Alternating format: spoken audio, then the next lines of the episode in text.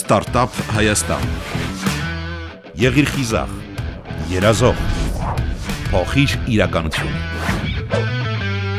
Բարև ձեզ, դուք լսում եք Ստարտափ Հայաստանը։ Ես Մարիամ Ղարդյանն եմ։ Առաջիկայում պլանավորում եմ, երազում եմ ու հուսով եմ կհասնեմ ունենամ ստուդիա, որտեղ որ այն աղջիկները, ովքեր որ հիմա ինձ շատ-շատ գրում են, ուզում են սովորեն, ես այդ դեպքում նախանձով ու խանդով չվերաբերվեմ իմ գործին, այլ սովորեցնեմ իրանց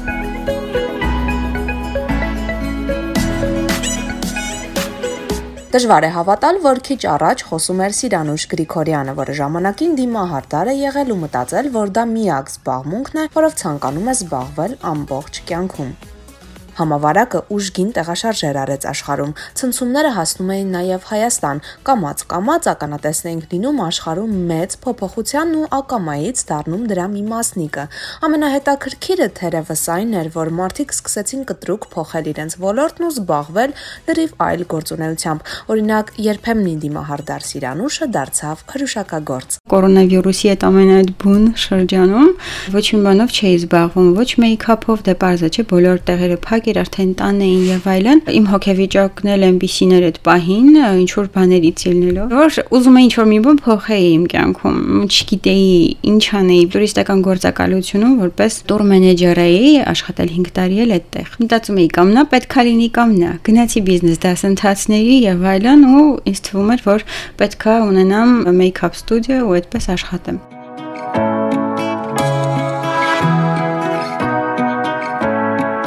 Մի կորոնագիշեր Սիրանուշի մոտ ոչ մի կերպ չի ստացվում քնելը։ Մտածում է աշխարհի վիճակի, համավարակի իր կորցրած աշխատանքի մասին ու պատահաբար մտքին գալիս է մայրիկի պատրաստած քաղցր ժելեներն ու թրջնի կաթը։ Ու հիշողության մեջ խորը քնած դրվագները միանգամից པարզվում են։ Մայրիկը դրանք միշտ պատրաստում էր ինչ-որ հետաքրքիր բաժակների մեջ։ Հաջորդ օրն արթնանում է, խանութից գնում անհրաժեշտ պարագաներն ու որոշում, որ մայրիկի պատրաստածը կարելի է մի փոքր փոփոխել ու հետաքրքիր ինչ-որ բան ստանալ։ Չէի սիրում տորթերը, որ ինչ որ միտեղ գնում էինք, ինչ որ առիթի, ու սենց ճաշ սարքած սեղանի վրա տորթ էին բերում ու այդ ընդհանրապես ոչ գրավիչ է, ոչ մարդկանց մեջ ցանկություն է լինում ուտելու ու ուզում էի այն տարբերակ առաջարկեի, որ մարդիկ այդպես հենց մի կտորով ոչ թե խմորեղեն, այլ հետաքրքիր մատուցում, սիրելով այդ ամեն ինչը, սերով բաժակ որոշեցի, որ լինի անունը, ինձանից ինչ որ միսեր, որը որ ես տալիս եմ մարկանց ու էդի առանց չափազանցնելու Քանի որ հետո ի սկզբանե միտում չունեի, որ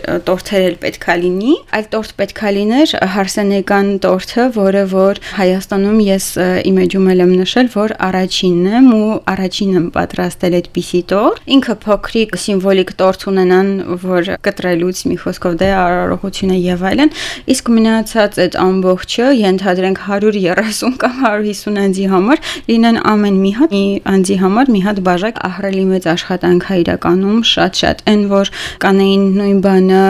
արագ-արագ ուղակի շերտերի իրար վրա հավաքած, իսկ ես ամեն հատիկ-հատիկ եմ հավաքում։ Երակի քարակի անգամ ավելի շատ աշխատանք է, բայց ուզում էի որ նորություն լիներ Հայաստանում, այդ ժամանակ ոչ մեկ չկար, ոչ մեկ չէր անում նման բան, ու հետո դե իհարկե որ տեսնում են, արդեն ուզում են ու մնացածները սկսեցին անել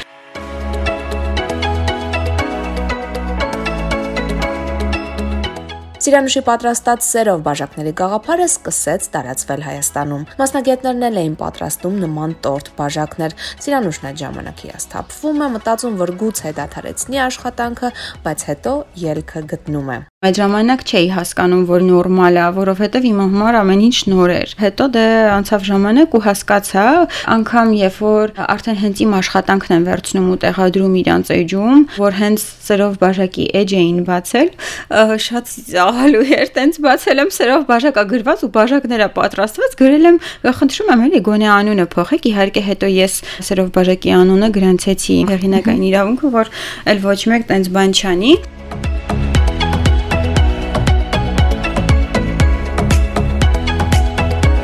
Սիրանուշի պատրաստած բաժակների մեջ սովորական մեծ տորթից կարելի է ասել մի հատված է։ Սերուցքային տորթ է, ինքը բիսկվիտ, սերուցք, ու ի սկզբանե միտքն էլ այն էր, որ մարդիկ ուտեն բնական աշխատել եմ տարբեր տեղերում, ու տեսնում էի թե ինչեր են անում, սուպեր բիսկվիտ եւ այլն նման հասկացողություն կա, այդ նյութ կա, քիմիական նյութ։ Լցնում են ձևի փոխարեն կամ երկու հատ ձու են լցնում ու ունեն մեն մեծ տորթ, ունեն մեն բիսկվիտ, որը որ ամբողջությամբ քիմիական է։ Ու ուզում էի ես այնպիսի բաներ պատրաստեի, որ լիներ ամենալ համով բաներով։ Այդ ինքը ինչ որ ես իմ համար կպատրաստեմ, ինչ որ ես եմ սիրում, ուզում էի որ տենց պատրաստեմ։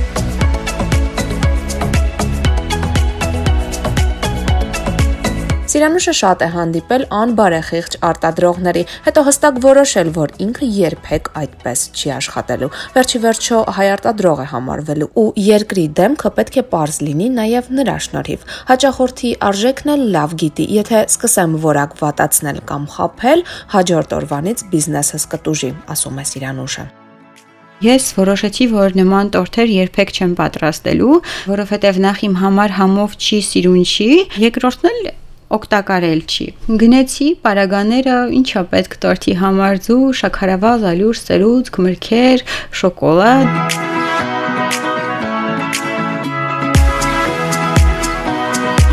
Առաջին սերով բաժակները գնահատել են հարազատները։ Սիրանուշը համ պատրաստից որոշում է, որ պետք է գեղեցիկ ֆոտոշարքանի ու դրանք հրապարակի սոցցանցերի էջերում։ Արդյունքը շշմելու էր։ Մարդիկ սկսում են ուշադրություն դարձնել գաղափարին ու հենց առաջին օրերից էլ Սիրանուշը պատվերների պակաս չի ունենում։ Իմ ընկերուհին հարսանյաց սրահ ուներ ու որպես գեղեցիկ վայր իմ կարծիքով այդ ժամանակ տանել ինչ որ տենց գեղեցիկ ֆոնի վրա նկարելն էլ տարա այնտեղ իրանք փորձեցին հավանեցին դե մինչად ես ասեցի որ պատրաստում էի ուղակի խմորեղեններ եւ այլն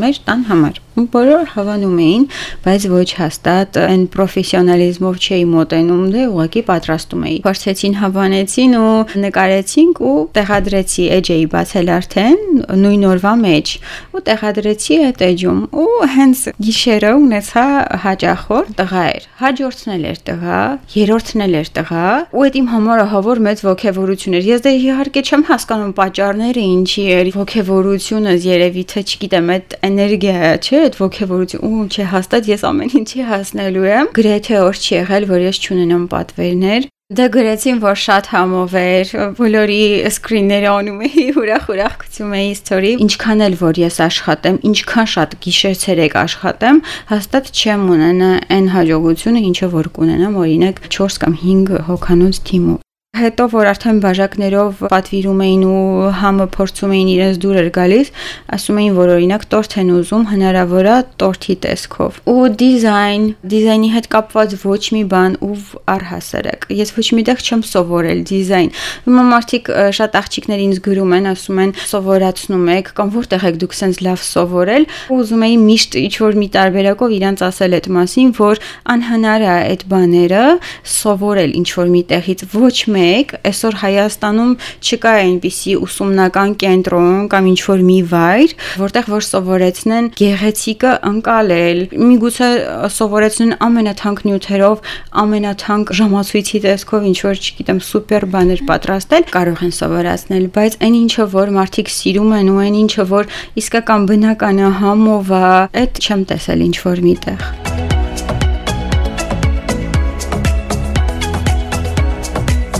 Սիրանուշը տանն է աշխատում հարմար է։ Տան անդամներն էլ արդեն սովորել են անուշ բույրերի ինտերակցիությամբ ապրել։ Բիզնեսն սկսել է 10000 դրամով, հետո կամած-կամած ավելացրել է թիվը։ Ես իհարկե սկզբում չունեի ոչ մի հստակ պարագաներ, որոնք որ պետք են աշխատանքի մեջ։ Շատ երկար ժամանակ աշխատել եմ ուղակի ուղղակի աշխատել եմ առանց որևիցե արդյունքի։ Հետո գնել եմ այն ամեն ինչը, ինչը որ ինձ պետք է, այսինքն ոչ մի եկամուտ այդպես չի տպավորվել իմ մոտ, որ ես այդ ընթացքում ունեցել եմ եկամուտ, որովհետև ինչ ունեցել եմ, դա գնել եմ հենց այդ նույն վարքյանին ուրիշ բան, չեմ հասկացել կոնկրետ ինչքան եկամուտ ես ունեմ այս մի բանից։ Դե իհարկե այդ ժամանակի հարցեր ամեն ինչ անցել է, Ունեմ առանձնացված հատված իմ համար, բայց կոնկրետ հիմա սրա խանութ կամ ինչ որ առանձին վայր չունեմ,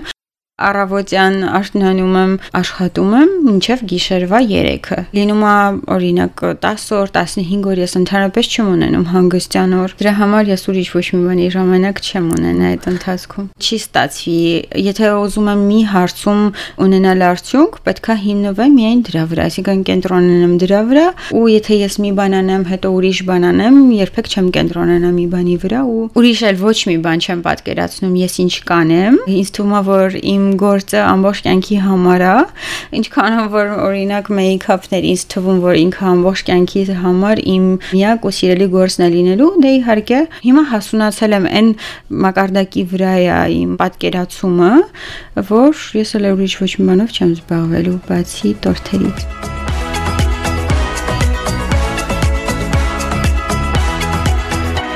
Տորթերի այս տեսակը հայտնի է դարձել դրանք հարմար են ամեն առիթի համար։ Սիրանուշը գիտի, որ հաճախորդին պետք է անընդհատ նորություն առաջարկես։ Այն, ինչ անում է հիմա, սիրվել է։ Նրան հաջողություն է բերել, նաև ֆինանսական հանգստություն, բայց դրանից, ինչպես ժողովուրդն է սիրում ասել, թուլանալ պետք չէ։ Փոխարենը պետք է աշխատել գիշեր-ցերեկ։ Մարդիկ պատվիրում են, երբ որ աղջիկներով հավաքվում են, այդ իրանց համար շատ հետաքրքիր է։ Կոնկրետ սերով բաժակի մասին եմ խոսում, ոչ թե տորթերի, դե տորթերը ծնունդների ցանկացած առիթի համար պատվիրում են։ Իսկ սերով բաժակը միշտ հետաքրքիր է մարդկանց, օրինակ շատ հարսանիքների ժամանակ, որ պատվիրում են ու հետո պատվիրատուն զանգում է ինձ, ասում է, որ բոլորին բաժակներն էր հետաքրքիր ու գնացին բաժակները վերցրեցին եւ այլն ու միանգամից։ Շատերը նվիրելու համար հիմա շատ ակտուալ է բենտո տորթերը, բենտո տորթ են պատվիրում։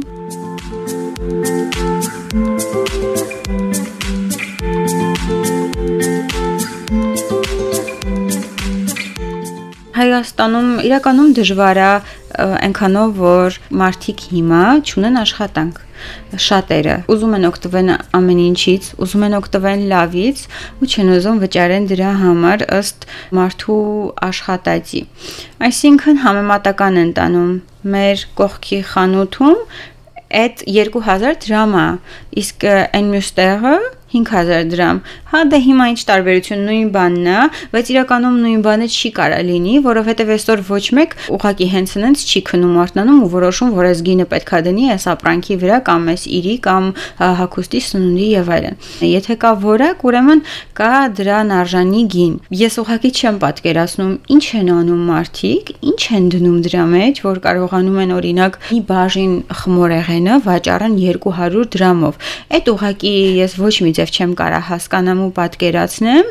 որովհետև դա ոչ մի բացատրություն չունի։ Եթե իրանք դնեն այդ ամեն ինչի մեջ այն ինչը որ օրինակ ես դնում եմ, ես գիտեմ ինչ եմ դնում, չեմ կարա հասկանամ դա, դա բացատրություն չունի ուղղակի։ Ելակը ամռան սեզոնին 600 կամ 800 դրամով կար, իսկ ես գնում էի 2000 դրամով։ Բոլորը ասում էին, ինչ համար է 2000 դրամ առել, այնտեղ, չգիտեմ, բոլոր խանութներում մթերային եւ այլն, այդ բանջարեղենի եւ այլն 800 դրամ է, որովհետև բերում էի այն մյուսները տուն ու իրենք արդեն էլ պիտանի չէին օգտագործում։ Իսկ 2000 դրամը, որը որ գնում էի դիելակը, մնում էր այնքան գեղեցիկ, ինչքան որ ինձ պետք էր օրինակ այդ օրը ձևավորելու համար։ Մարդիկ ասում են օրինակ ուզում են 6000 դրամանոց տորտ, որը որ իհարկե իմ մոտ չկա, չի էլ չեմ էլ պատկերացնում ոնց կարա լինի, ինչ որ մի չափի, չգիտեմ, 8 կամ 10 անձի համար նախատեսված։ Այդ իրանց ասած 4000 դրամի ես ելակ եմ լուծնում իրաց տորթի մեջ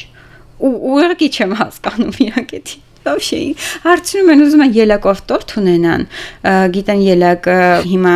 փոքրիկ տուփերի մեջ 1500-1000 դրամ է մի խոսքով ու 4 տուփ պետքա որ ես կարողանամ 10 անձի համար նախատեսված տորթի մեջ լցնեմ ելակ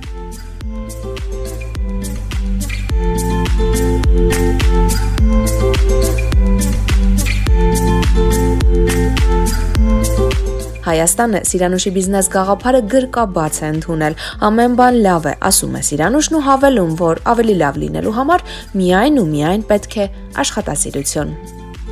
Thank